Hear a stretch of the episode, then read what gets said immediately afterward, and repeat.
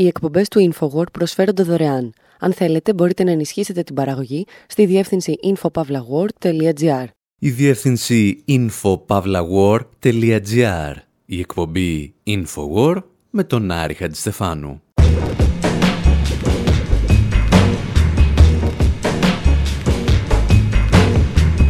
Όπου σήμερα αναρωτιόμαστε εάν το πολεμικό ναυτικό των Ηνωμένων Πολιτειών επιτέθηκε σε μια χώρα μέλος της Ευρωπαϊκής Ένωσης και του ΝΑΤΟ. Και αν ισχύει αυτό, γιατί αυτή η χώρα δεν λέει τίποτα. Παρακολουθούμε τον σημαντικότερο δημοσιογράφο ερευνητή του 20ου αιώνα να υποστηρίζει ότι οι Ηνωμένες Πολιτείες ανατείναξαν τους αγωγούς Nord Stream προκειμένου να διακόψουν την παροχή φυσικού αερίου προς τη Γερμανία και την Ευρώπη.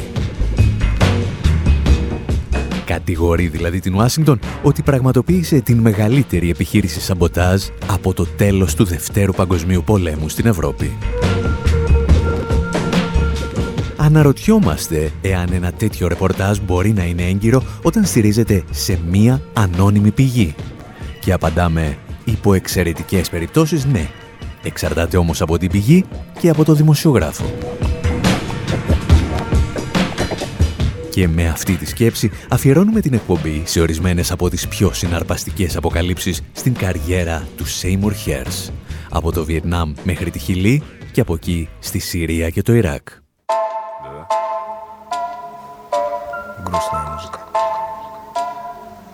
Не грустная, а серьезная.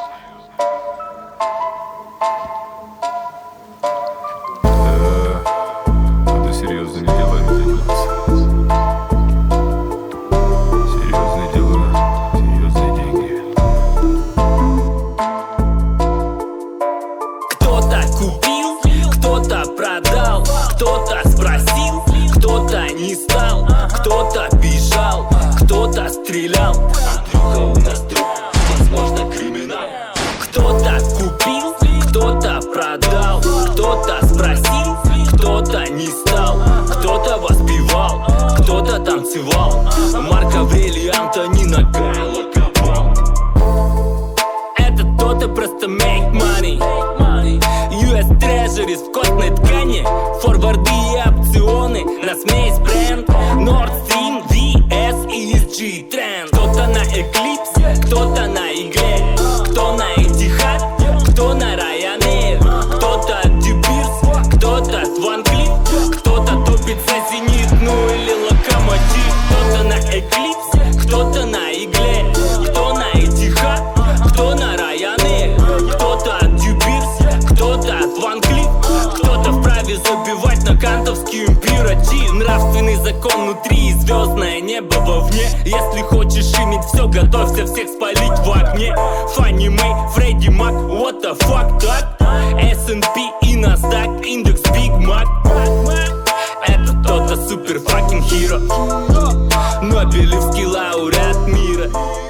Η αλήθεια είναι ότι δεν το περιμέναμε ούτε εμείς, αλλά καταφέραμε να εντοπίσουμε τρία τραγούδια που αναφέρονται στους αγωγούς φυσικού αερίου Nord Stream.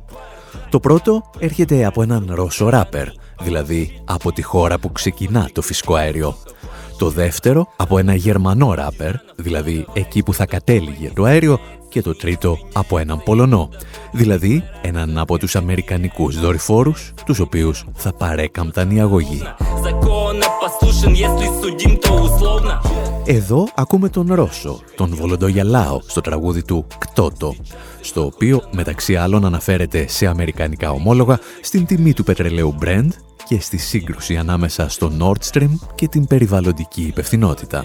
Θέματα τα οποία ανήκουν βέβαια στο παρελθόν, από τη στιγμή που κάποιος ανατίναξε τους αγωγούς το Σεπτέμβριο του 2022. Sabotage is thought to be behind three leaks in the Nord Stream natural gas pipelines connecting Russia to Europe. Έκτοτε, τα αμερικανικά μέσα ενημέρωσης προσπαθούν να μας πείσουν ότι τον αγωγό, τον οποίο κατασκεύασε η Ρωσία, τον ανατείναξε η Ρωσία και ύστερα άρχισε να πληρώνει για την ανακατασκευή του. Και επειδή αυτό το σενάριο ήταν ελαφρώς παράλογο, ένας από τους σημαντικότερους ερευνητές δημοσιογράφους αποφάσισε να το ερευνήσει λίγο περισσότερο. Το που κατέληξε μας το εξηγούσε τον Φεβρουάριο του 2023 το Democracy Now! Who is behind the bombing of the Nord Stream pipelines, which were built to carry natural gas from Russia? Ποιος βρισκόταν πίσω από την τοποθέτηση εκρηκτικών στους αγωγούς Nord Stream που κατασκευάστηκαν για να μεταφέρουν φυσικό αέριο από τη Ρωσία στην Ευρώπη. Οι αγωγοί καταστράφηκαν τον περασμένο Σεπτέμβριο σε μια σειρά από υπόγειες εκρήξεις στη Βαλτική θάλασσα. Στο νέο του κείμενο, ο Χέρες επικαλείται μια ανώνυμη πηγή που λέει πως το σαμποτάζ πραγματοποιήθηκε από το Αμερικανικό ναυτικό που τοποθέτησε πυροδοτούμενα από απόσταση εκρηκτικά κατά τη διάρκεια άσκησης του ΝΑΤΟ. Ο Χέρες αναφέρει πως η κυβέρνηση Biden ξεκίνησε να σχεδιάζει τη δολιοφθορά το Δεκέμβριο του 2021, δύο μήνες πριν από τη ρωσική εισβολή στην Ουκρανία.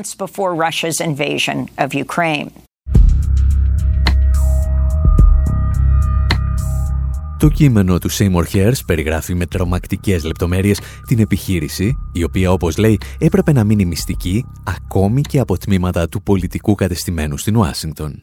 Well, Hirsch reports U.S. Navy divers planted remotely triggered explosives on the pipeline. Ο Χέρις αναφέρει πως δίτε του ναυτικού των ΗΠΑ τοποθέτησαν πυροδοτούμενα εξ αποστάσεως εκρηκτικά στους αγωγούς, ενώ το ΝΑΤΟ διεξήγει στρατιωτικές ασκήσεις στην περιοχή. Αναφέρει πως οι δίτες ήταν όλοι μέλη του ναυτικού και όχι της διοίκησης ειδικών επιχειρήσεων των ΗΠΑ, τις οποίες οι μυστικές επιχειρήσεις πρέπει να αναφερθούν στο Κογκρέσο.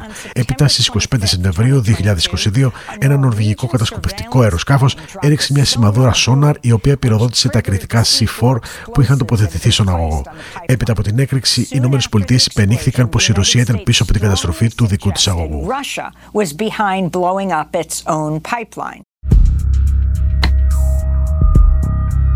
Το πρόβλημα με την αμερικανική εκδοχή της ιστορίας είναι διπλό.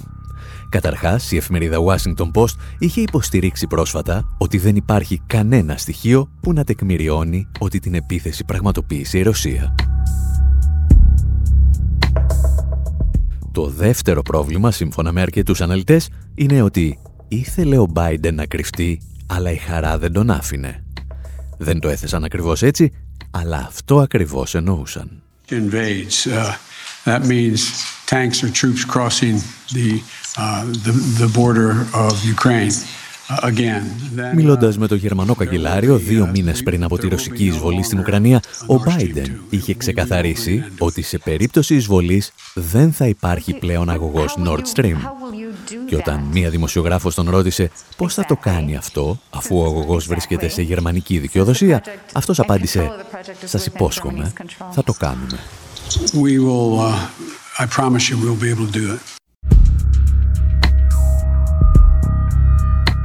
Κάπου εδώ μπορούμε να συνοψίσουμε τι λέει η λογική. Η Ρωσία δεν είχε κανένα λόγο να καταστρέψει τους αγωγούς Nord Stream και ύστερα να πληρώσει για την ανακατασκευή τους, γιατί έτσι θα έχανε τεράστια έσοδα, αλλά και την επιρροή που ασκούσε στη Γερμανία. Οι Ηνωμένες Πολιτείες πάλι είχαν κάθε λόγο να το κάνουν, προκειμένου να αυξήσουν την ενεργειακή εξάρτηση της Ευρώπης, να μην αφήσουν περιθώρια συνεργασίας με τη Μόσχα και να αρχίσουν να προσφέρουν το δικό τους υγροποιημένο φυσικό αέριο. Η λογική όμως δεν αρκεί για να τεκμηριωθεί ένα ρεπορτάζ και εδώ προκύπτουν ορισμένα ερωτήματα. Το State Department και σχεδόν το σύνολο των δυτικών μέσων ενημέρωσης είτε αποσιώπησαν πλήρως την έρευνα του Seymour Hersh ή την απέρριψαν, γιατί όπως είπαν στηρίζεται σε μία ανώνυμη πηγή. Κάποιος θα μπορούσε να απαντήσει εδώ ότι τα ίδια μέσα ενημέρωσης δεν δικαιούνται να ομιλούν καθώς χρησιμοποιούν διαρκώς ανώνυμες πηγές για να δικαιολογήσουν αμερικανικές εισβολές σε όλο τον κόσμο. Και αυτό όμως δεν είναι επαρκές επιχείρημα. Το γεγονός ότι τα μέσα ενημέρωσης στηρίζουν το Αμερικανικό Imperium με αντιδεοντολογικές συνήθως πρακτικές δεν σημαίνει ότι πρέπει να ακολουθούμε το παράδειγμά τους. Το ερώτημα είναι, μπορεί να υπάρξει τελικά αξιόπιστο ρεπορτάζ που στηρίζεται σε μία ανώνυμη πηγή; Η απάντηση είναι ότι σε πολύ σπάνιες, εξαιρετικές περιπτώσεις μπορεί. Ας διαβάσουμε τι αναφέρουν οι κανόνες δεοντολογίας του Associated Press. Σε σπάνιες περιπτώσεις, μια ανώνυμη πηγή μπορεί να επαρκεί όταν οι πληροφορίες προέρχονται από πρόσωπο εγνωσμένου κύρους, το οποίο παρουσιάζει τόσο λεπτομερείς πληροφορίες, ώστε να μην μπορεί να αμφισβητηθεί η ακρίβειά τους. Και αυτό ακριβώς υποστηρίζει ότι έκανε ο Σέιμουρ Χέρς όταν τον ρωτούν γιατί είχε μία ανώνυμη πηγή στην έρευνά του. I'm not by the, by the fact that Δεν με ενοχλεί το γεγονός ότι η κυβέρνηση μου επιτίθεται και πως η παλιά μου εφημερίδα, η New York Times, δεν έχει γράψει λέξη για το ζήτημα. Αυτή είναι η πραγματικότητα στην οποία ζούμε. Είναι ο λόγος που άνθρωποι όπως εγώ χρησιμοποιούν πλατφόρμες όπως το Substack που σου επιτρέπουν να δημοσιεύσει τα δικά σου κείμενα. Έτσι δεν χρειάζεται να ανησυχώ για λογοκρισία. Υπήρξα τυχερός στην καριέρα μου. Είχα για 20 ή 30 ή 40 χρόνια ανθρώπους από μέσα οι οποίοι δεν είναι μόνο πιστοί σε αυτό που κάνουν, αλλά επίσης δεν φοβούνται να ασκήσουν κριτική. Είναι το είδος της πηγής που οι ρεπόρτερ ονειρεύονται. Είχα πάντα τέτοιους ανθρώπους και ακόμα τους έχω.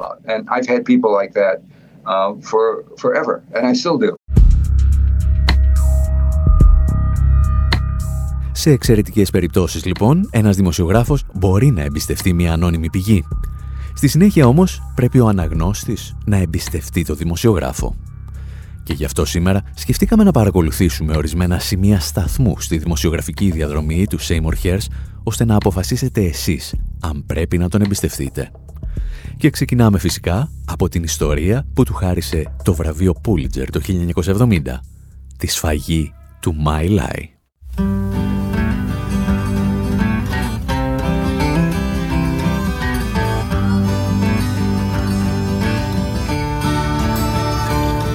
They flew over Pinkville, the choppers could see the slaughter going on down below them.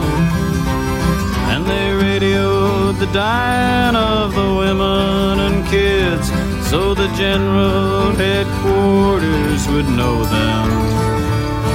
Then one circled down to a place on the ground where there were children who were wounded or crying.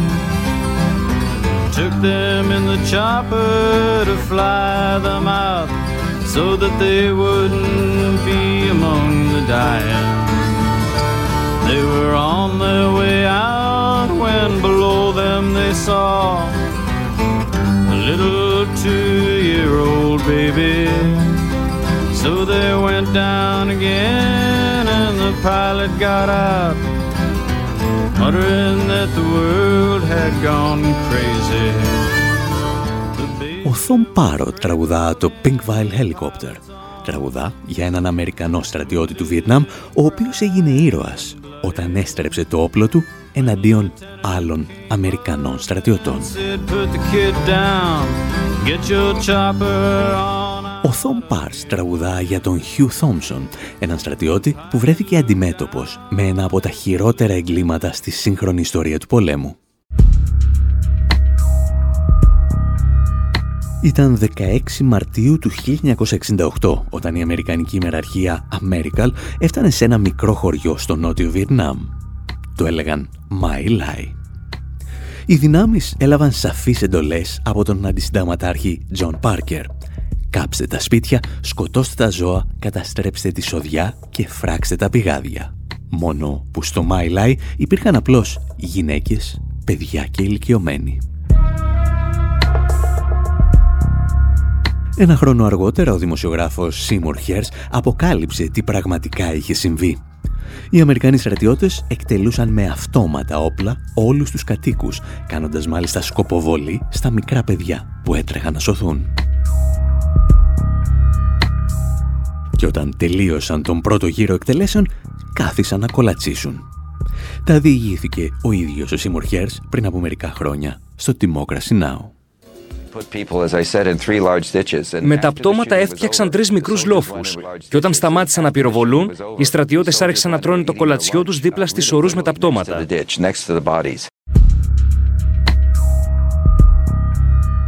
Η αποκάλυψη της φαγής του Μάιλάι αποτέλεσε μία από τις μεγαλύτερες δημοσιογραφικές επιτυχίες του πολέμου του Βιετνάμ. Και ο λόγος για τον οποίο ο Σίμουρ Χέρς ενδέχεται να τα κατάφερε ήταν γιατί δεν εργαζόταν για το Associated Press για την ακρίβεια, δεν εργαζόταν πια για το Associated Press. Ο βετεράνος δημοσιογράφος πέρασε από το συγκεκριμένο πρακτορείο από το 1962 έως το 1967 και όπως έλεγε, οι συντάκτες εκεί ήταν δειλοί όταν έπρεπε να γράψουν για τον πόλεμο του Βιετνάμ. Όπως εξηγούσε ο ίδιος, αν είχε παραμείνει στο πρακτορείο, δεν θα μπορούσε να είχε γράψει όσα αποκάλυψε το 1969 και το 1970 για τη σφαγή του Μαϊλάι.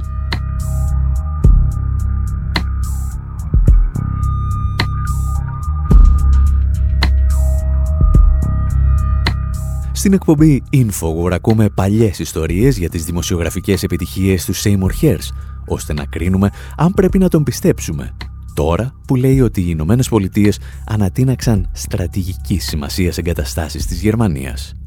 Και θα κάνουμε το ίδιο και στο δεύτερο μέρος της εκπομπής.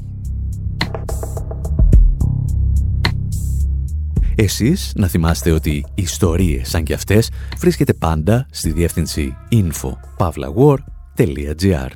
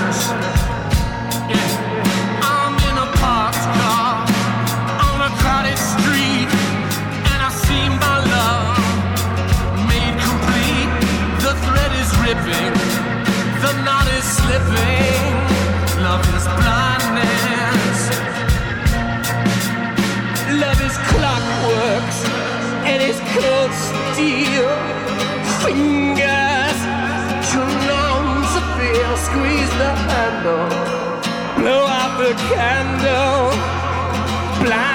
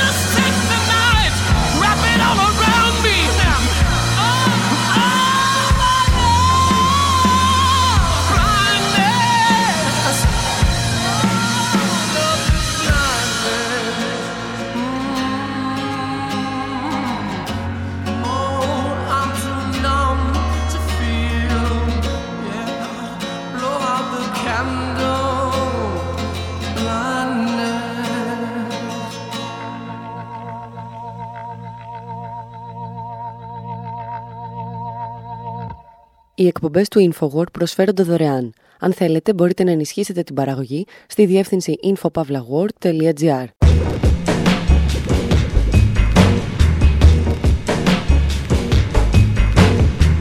Εκπομπή InfoWord, μέρος δεύτερο. Όπου συνεχίζουμε να παρακολουθούμε τις μεγαλύτερες δημοσιογραφικές επιτυχίες του Seymour Hersh Πάντα με αφορμή το τελευταίο του ρεπορτάζ, το οποίο υποστηρίζει ότι οι Ηνωμένε Πολιτείες ανατείναξαν τους αγωγούς Nord Stream για να προκαλέσουν ενεργειακό στραγγαλισμό στη Γερμανία και την Ευρώπη. Τον αφήσαμε να αποκαλύπτει μία από τις μεγαλύτερες φαγές αμάχων που έχουν πραγματοποιήσει οι Ηνωμένε Πολιτείες μετά το τέλος του Δευτέρου Παγκοσμίου Πολέμου. Και αυτός δεν σταμάτησε εκεί. Αποκάλυψε επίσης το μυστικό οπλοστάσιο χημικών και βιολογικών όπλων του Πενταγώνου, έφερε στο φως πολύτιμες πληροφορίες για το σκάνδαλο του Watergate και αργότερα για τα αμερικανικά κολαστήρια τύπου Abu Ghraib. Λέμε όμως να συνεχίσουμε με μια από τις λιγότερο γνωστές ιστορίες. Την αποκάλυψη ότι οι Ηνωμένες Πολιτείες χρηματοδοτούσαν οδηγούς φορτηγών στη Χιλή για να διαλύσουν την οικονομία της χώρας και να ανατρέψουν τον σοσιαλιστή πρόεδρο Αλιέντε.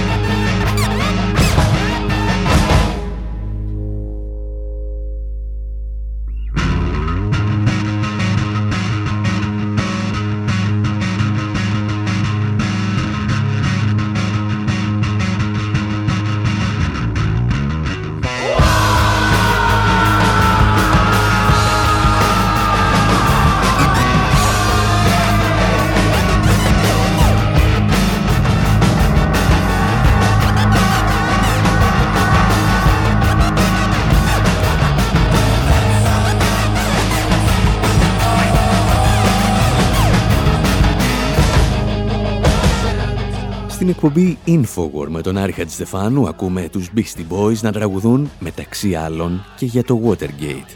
Ένα σκάνδαλο που βρισκόταν σε πλήρη εξέλιξη το 1973 και οδήγησε στην παρέτηση του Νίξον ένα χρόνο αργότερα. Εμάς όμως μας ενδιαφέρει ένα άλλο σκάνδαλο του Αμερικανού Προέδρου εκείνης της χρονιάς. Ένα οικονομικό σαμποτάζ. Όπως εξηγήσαμε, η CIA απέτυχε να εκπληρώσει την επιθυμία της ITT να αποτρέψει την εκλογή του Αλιέντε στη Χιλή. Κάποιος έπρεπε λοιπόν να προετοιμάσει το έδαφος για την ανατροπή ενός εκλεγμένου πλέον προέδρου. Και το πρώτο βήμα σε αυτές τις περιπτώσεις είναι να πείσει στους πολίτες ότι έκαναν λάθος που τον ψήφισαν. Πριν από μερικούς μήνες, ο καθηγητής Φρανσίσκο Ντομίνγκες από το Πανεπιστήμιο του Μίτλσεξ εξηγούσε στο δίκτυο Τελεσούρ πώς στραγγαλίζεις μία οικονομία για να ανατρέψεις μία κυβέρνηση. Uh, the script is very similar. The idea is basically to make the economy scream, to use Nixon's famous phrase or Θέλουν να κάνουν την οικονομία να ουρλιάξει, για να χρησιμοποιήσω την περίφημη φράση του Νίξον. Οι Ηνωμένες Πολιτείες χρησιμοποιούσαν όλη τη δύναμη που είχαν στις διεθνείς αγορές και στην περίπτωση της Χιλής τους ενδιαφέρει η αγορά χαλκού, ώστε να μειώσουν δραστικά τα έσοδα του κράτους. Παράλληλα, χρηματοδοτούσαν την αντιπολίτευση, η οποία είχε τον έλεγχο του εσωτερικού δικτύου διανομής προϊόντων. Αποκρύπτοντας προϊόντα από την αγορά, τιμωρούσαν τον πληθυσμό. Στόχος τους ήταν να κάνουν τη ζωή των ανθρώπων τόσο ανυπόφορη, ώστε να μετανιώσουν που ψήφισαν μια κυβέρνηση της αριστεράς. So the people ended up regretting having elected a government of the left. Όπως θα αποκαλύψει μερικά χρόνια αργότερα ο δημοσιογράφος Seymour Hersh στους New York Times, η CIA ανακαλύπτει έναν εξαιρετικό τρόπο να κάνει την οικονομία να ουρλιάξει. Χρηματοδοτεί τα συνδικάτα των οδηγών φορτηγών που ελέγχονται από την άκρα δεξιά. Και οι οδηγοί τραβούν χειρόφρενο στα οχήματά τους. Και ο πανικός ξεκινάει. Well, they went first of all for uh, stopping the public transport system, which was run by Το πρώτο βήμα ήταν να σταματήσουν τα μέσα μεταφοράς που βρίσκονταν υπό τον έλεγχο του ιδιωτικού τομέα. Η Χιλή είναι μια μακρόστενη χώρα, οπότε είναι εύκολο να διακόψει τη μεταφορά προϊόντων από τη μία άκρη στην άλλη. Οι οδηγοί φορτηγών που συμμετείχαν στις απεργίες λάμβαναν τεράστια χρηματικά ποσά, οπότε δεν είχαν οικονομικές απώλειες. Η δεύτερη πρακτική ήταν να συγκεντρώσουν προϊόντα πρώτης ανάγκης, όπως αλεύρι, λάδι και καφέ, αλλά και κάθε τι που θα έκανε τον πληθυσμό να υποφέρει. Αυτό που ήθελαν να πετύχουν είναι να δημιουργούνται ουρές έξω από τα καταστήματα. Οι άνθρωποι περίμεναν για ώρες και κάποιοι έβρισκαν ευκαιρία για να προκαλούν ταραχέ στους δρόμους.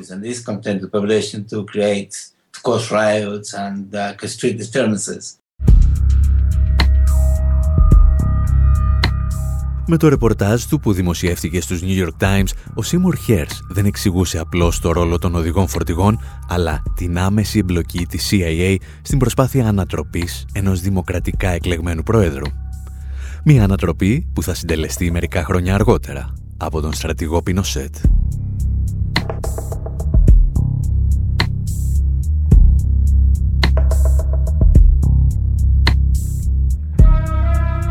Ο Σίμουρ Χέρς θα συνεχίσει τα αποκαλυπτικά ρεπορτάζ που εκθέτουν ανεπανόρθωτα τις πολιτικές αποφάσεις της Ουάσιγκτον. Και μέχρι τα πρώτα χρόνια του 21ου αιώνα, ακόμη και τα καθεστωτικά μέσα ενημέρωσης στην Αμερική υποκλίνονται και του δίνουν το λόγο να παρουσιάζει τις έρευνές του. Τα τελευταία χρόνια όμως αυτή η ανοχή τερματίζεται απότομα. Το μηντιακό κατεστημένο τον εξωστρακίζει και αυτός αναγκάζεται να δημοσιεύει τις έρευνές του σε ευρωπαϊκά μέσα ενημέρωσης ή στην προσωπική του σελίδα. Και αυτή η νέα εποχή στην καριέρα του θα ξεκινήσει όταν θα αμφισβητήσει την κυρίαρχη αφήγηση για τη χρήση χημικών όπλων στη Συρία. Θα θυμηθούμε όμως αυτό το ρεπορτάζ μέσω μιας τηλεοπτικής σειράς, του House of Cards.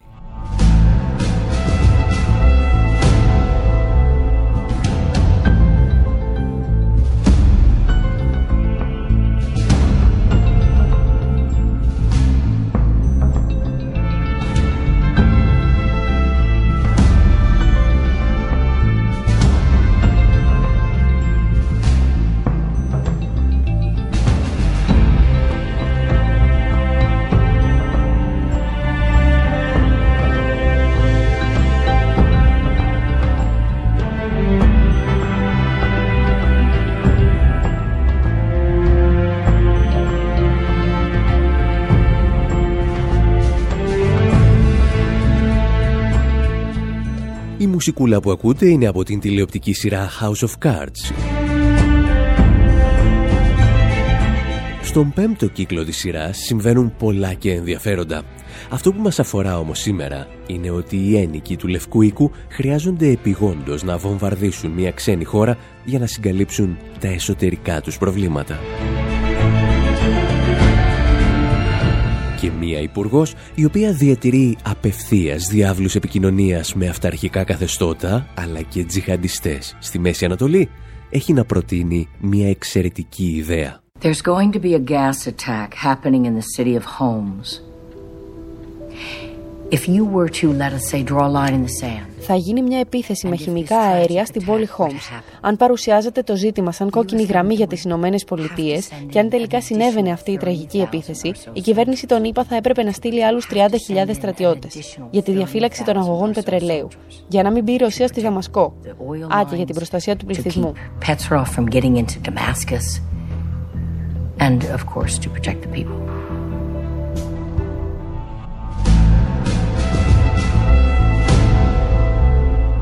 Πρόεδρος και η αντιπρόεδρος των Ηνωμένων Πολιτειών δεν πρόκειται φυσικά να χάσουν μια τέτοια ευκαιρία. Καλούν στο Λευκό Οίκο την Υπουργό Εξωτερικών και της ανακοινώνουν την προηλημένη απάντησή τους σε μια επίθεση η οποία δεν έχει πραγματοποιηθεί ακόμη. Θα χρησιμοποιήσουν αέριο σαρίν, κυρίως εναντίον άμαχων πολιτών στα προάστια της πόλης Χόμς. Έχουμε να κάνουμε με ζώα. Επέδειξα εγκράτεια κατά το παρελθόν, αλλά όχι πια. Θα εκδώσω εκτελεστικό διάταγμα για την ανάληψη στρατιωτικής δράσης. Αεροπορικές επιθέσεις και συνέχεια στρατός ξηράς. Πρέπει να το παρουσιάσεις στον ΟΗΕ.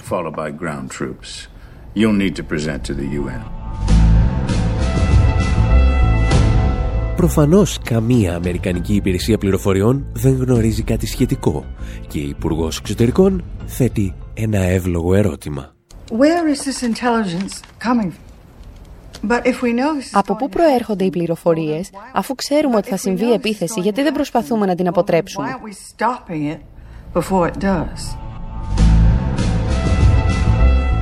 Στην αίθουσα επικρατεί σιωπή. Ο πρόεδρος και οι αντιπρόεδρος δεν έχουν να δώσουν μία απάντηση στο γιατί δεν κάνουν κάτι για να αποτρέψουν μία επίθεση για την οποία κανένας άλλος δεν γνωρίζει το παραμικρό. Το μόνο που μπορούν να πούν είναι ότι εάν η υπουργός Εξωτερικών δεν φέρει το θέμα στα Ηνωμένα Έθνη, θα πάψει σύντομα να είναι υπουργός Εξωτερικών. Και αυτή, ύστερα από μερικά δευτερόλεπτα σιωπής, συνενεί.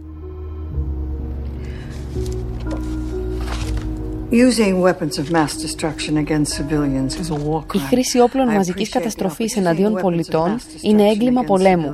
Εκτιμώ την ευκαιρία να διαχειριστώ αυτό το θέμα μέχρι τέλους. Αυτό ελπίζαμε να πεις.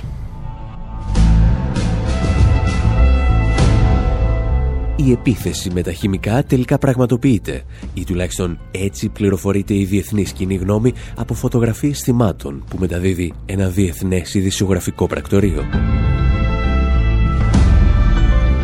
Έχει έρθει η στιγμή για την πρόεδρο των Ηνωμένων Πολιτειών να διατάξει τις ένοπλες δυνάμεις να επιτεθούν στη Συρία.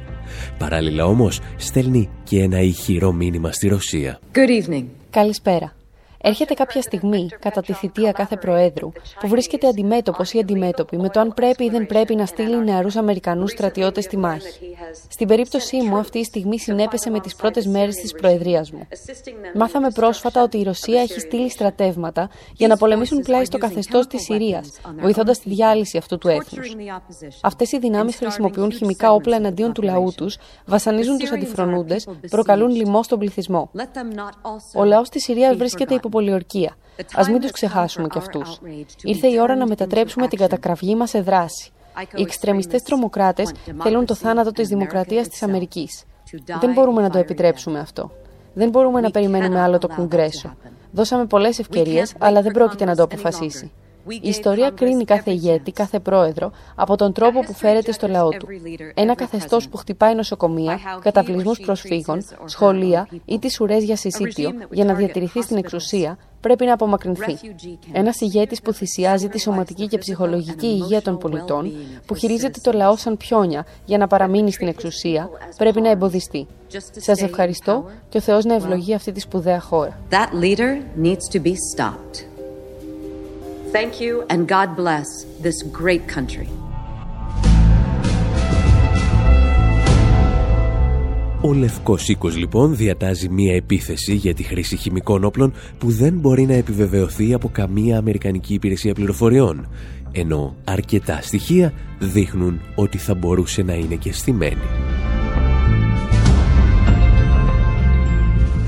Και αν αυτό σας θυμίζει κάτι, είναι γιατί αυτό ακριβώς είχε κάνει ο Ντόναλτ Τραμπ πριν από μερικούς μήνες. My fellow Americans, on Tuesday, Syrian dictator Bashar al-Assad Αγαπητοί μου συμπολίτες, την Τρίτη ο δικτάτορα της Συρίας Μπασάρ Αλ-Ασάντ πραγματοποίησε μια φρικτή επίθεση με χημικά όπλα εναντίον αθώων πολιτών. Χρησιμοποιώντας ένα θανατηφόρο νευροπαραλυτικό αέριο, ο Άσαντ αφαίρεσε τη ζωή από αβοήθητους άντρες, γυναίκες και παιδιά. Ήταν ένας αργός και βασανιστικός θάνατος για πολλούς. Ακόμα και όμορφα μωρά δολοφονήθηκαν σε αυτή τη βάρβαρη επίθεση. Κανένα παιδί του Θεού δεν θα έπρεπε ποτέ να βιώσει τέτοιο τρόμο. Σήμερα έδωσε εντολή για στρατιωτικό χτύπημα στο αεροδρόμιο της Συρίας από που ξεκίνησε η επίθεση με τα χημικά. In Syria, from where the chemical attack was launched. Το βετεράνος δημοσιογράφος Σίμουρ Χέρς ολοκλήρωσε μία έρευνα μηνών για το τι ακριβώς συνέβη εκείνες τις ημέρες του Απριλίου του 17 όταν ο Αμερικανός πρόεδρος διέταξε το βομβαρδισμό της Συρίας. Στην τελευταία έρευνα του υποστηρίζει πως όταν ο Τραμπ διέταξε την πυραυλική επίθεση στη Συρία δεν υπήρχε ούτε ένας Αμερικανός αξιωματούχος που να μπορούσε να βεβαιώσει ότι οι δυνάμεις του Ασάντ είχαν χρησιμοποιήσει χημικά. Τα εξηγούσε ο ίδιος ο Σίμορ Χέρς μιλώντας στο Real News Network. We know nothing about what really happened because no independent unit has been, has no Στην πραγματικότητα δεν έχουμε ιδέα τι συνέβη γιατί καμία ανεξάρτητη αρχή όπως ο ΙΕ δεν μπόρεσε να προσεγγίσει την περιοχή. Είναι πολύ επικίνδυνο και μπορεί να σου πάρουν το κεφάλι. Μιλάω κυριολεκτικά. Προσωπικά λοιπόν δεν έχω ιδέα τι συνέβη. Η άλλη πλευρά ισχυρίστηκε ότι χρησιμοποίησε αέριο σαρίν. Είναι πιθανό να το χρησιμοποίησαν κάποιες τοπικές ομάδες. Η βόμβα όμως που έπεσε από τις Συριακέ δυνάμεις δεν περιείχε σαρίν. Το μόνο που ήθελε να πετύχει η Συρία εκείνη την ημέρα ήταν να χτυπήσει μια συνάντηση με ηγέτες τοπικών ομάδων τζιχαντιστών. Uh, jihadist groups there. They had a meeting about what to do. The issue of my story is not to try and explain what happened, but to explain what did not happen. What did not happen. Το ζητούμενο για εμένα δεν είναι να εξηγήσουμε τι συνέβη, αλλά τι δεν συνέβη. Και αυτό που δεν συνέβη είναι ότι η Συρία έριξε μια βόμβα με σαρίν. Αυτό το γνωρίζουν όλοι οι επιτελείς και είμαι απόλυτος. Ο Τραμπ ενημερώθηκε μια ημέρα πριν διατάξει την επίθεση. Του είπαν ότι δεν υπήρχαν στοιχεία που να στηρίζουν αυτό που ήθελε να πιστέψει.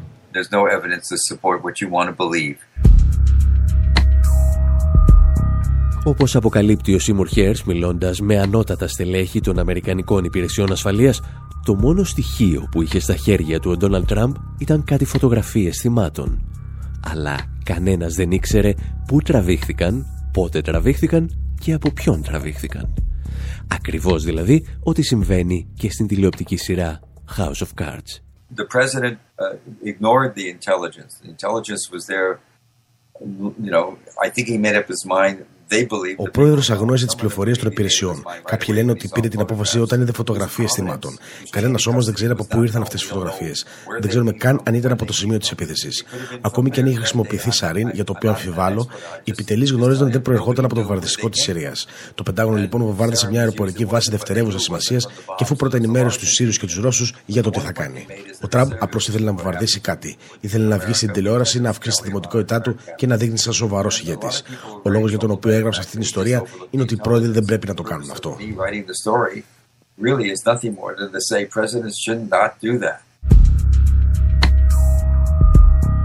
Ο Σίμουρ Χέρς λοιπόν υποστηρίζει ότι ο Ντόναλτ Τραμπ βομβάρδιζε τη Συρία μόνο για το Θεαθήνε, το οποίο κρίνοντας εκ του αποτελέσματος είναι απόλυτα σωστό. Θα μας επιτρέψει όμως να συμπληρώσουμε και μία ακόμη σκέψη. Η πυραυλική επίθεση του Απριλίου στη Συρία ήταν ασήμαντη σε στρατιωτικό επίπεδο, αλλά είχε τεράστια σημασία για τις εσωτερικές ισορροπίες στην Ουάσιγκτον. Ο Τραμπ εγκατέλειπε τα σχέδιά του για ένα μορατόριουμ στην αντιπαράθεση με τη Μόσχα και δεχόταν τις εντολές του στρατιωτικού κατεστημένου για κλιμάκωση των επιχειρήσεων στη Μέση Ανατολή. Ήταν η ημέρα που τα φιλελεύθερα μέσα ενημέρωσης αγκάλιασαν ένα πολιτικό σκουπίδι, το οποίο μέχρι πρότινος κατηγορούσαν για σεξιστικά σχόλια. Γιατί, ως γνωστόν, η οργή απέναντι σε σεξιστικά σχόλια είναι μερικές φορές ο Φερετζές που κρύβει τα πιο στιγερά πολιτικά, κοινωνικά και οικονομικά εγκλήματα. Εκείνη την ημέρα λοιπόν τα αμερικανικά μέσα ενημέρωσης μιλούσαν για την ομορφιά των οπλικών συστημάτων που χρησιμοποίησε ο Τραμπ. We see these beautiful pictures at night from the decks of these two US Navy vessels. Βλέπουμε αυτές τις όμορφες νυχτερινές εικόνες από το κατάστρωμα δύο πλοίων του Αμερικανικού πολεμικού ναυτικού. Μπαίνω στον πειρασμό να απαγγείλω ένα στίγο του σπουδαίου Λέοναρντ Κοέν. Με καθοδηγεί η ομορφιά των όπλων μας. Όμορφες εικόνες οπλικών συστημάτων που προκαλούν τρόμο.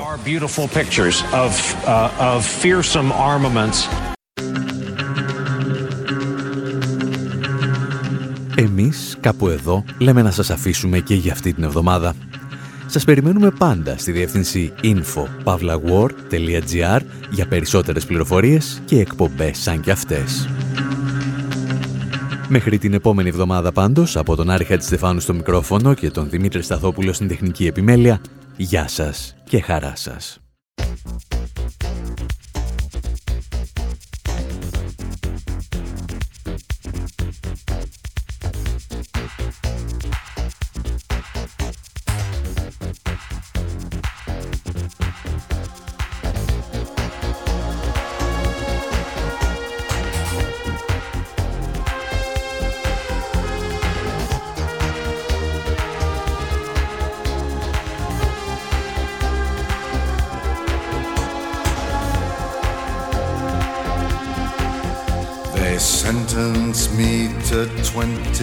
Years of boredom for trying to change the system from within. I'm coming now, I'm coming to reward them. First, we take Manhattan. Then we take Berlin.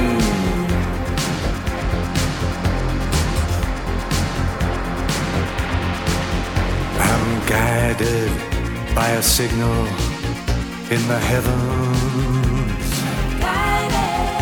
I'm guided by this birthmark on my skin. I'm guided by the beauty of our weapons. First, we take Manhattan. Then we take Berlin.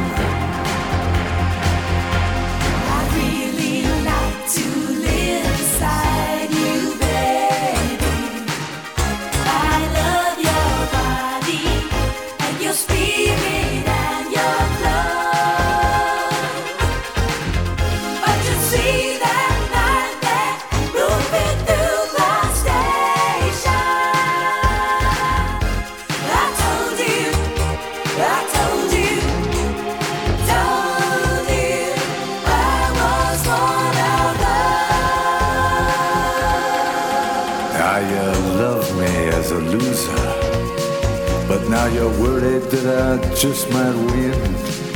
You know the way to stop me, but you don't have the discipline. How many nights I prayed for this to let my work begin. First, we take Manhattan. Then we take Berlin.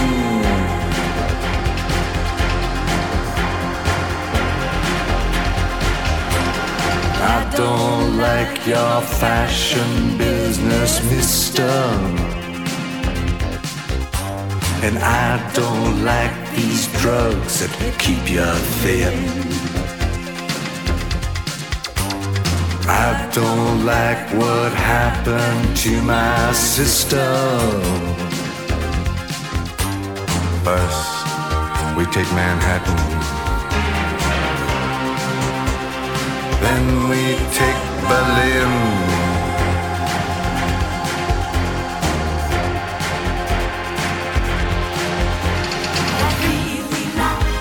to live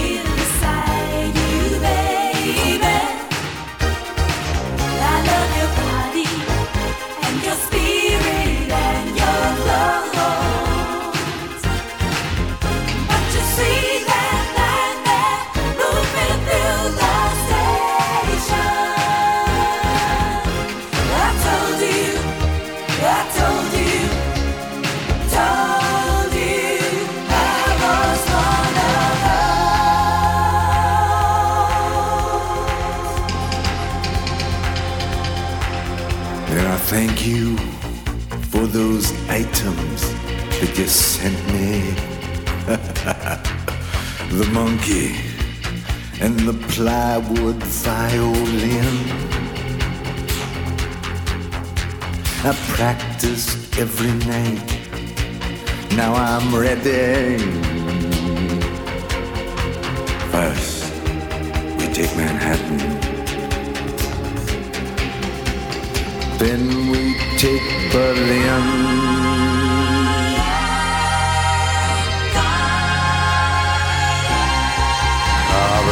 Remember me. I used to live for music. Remember me.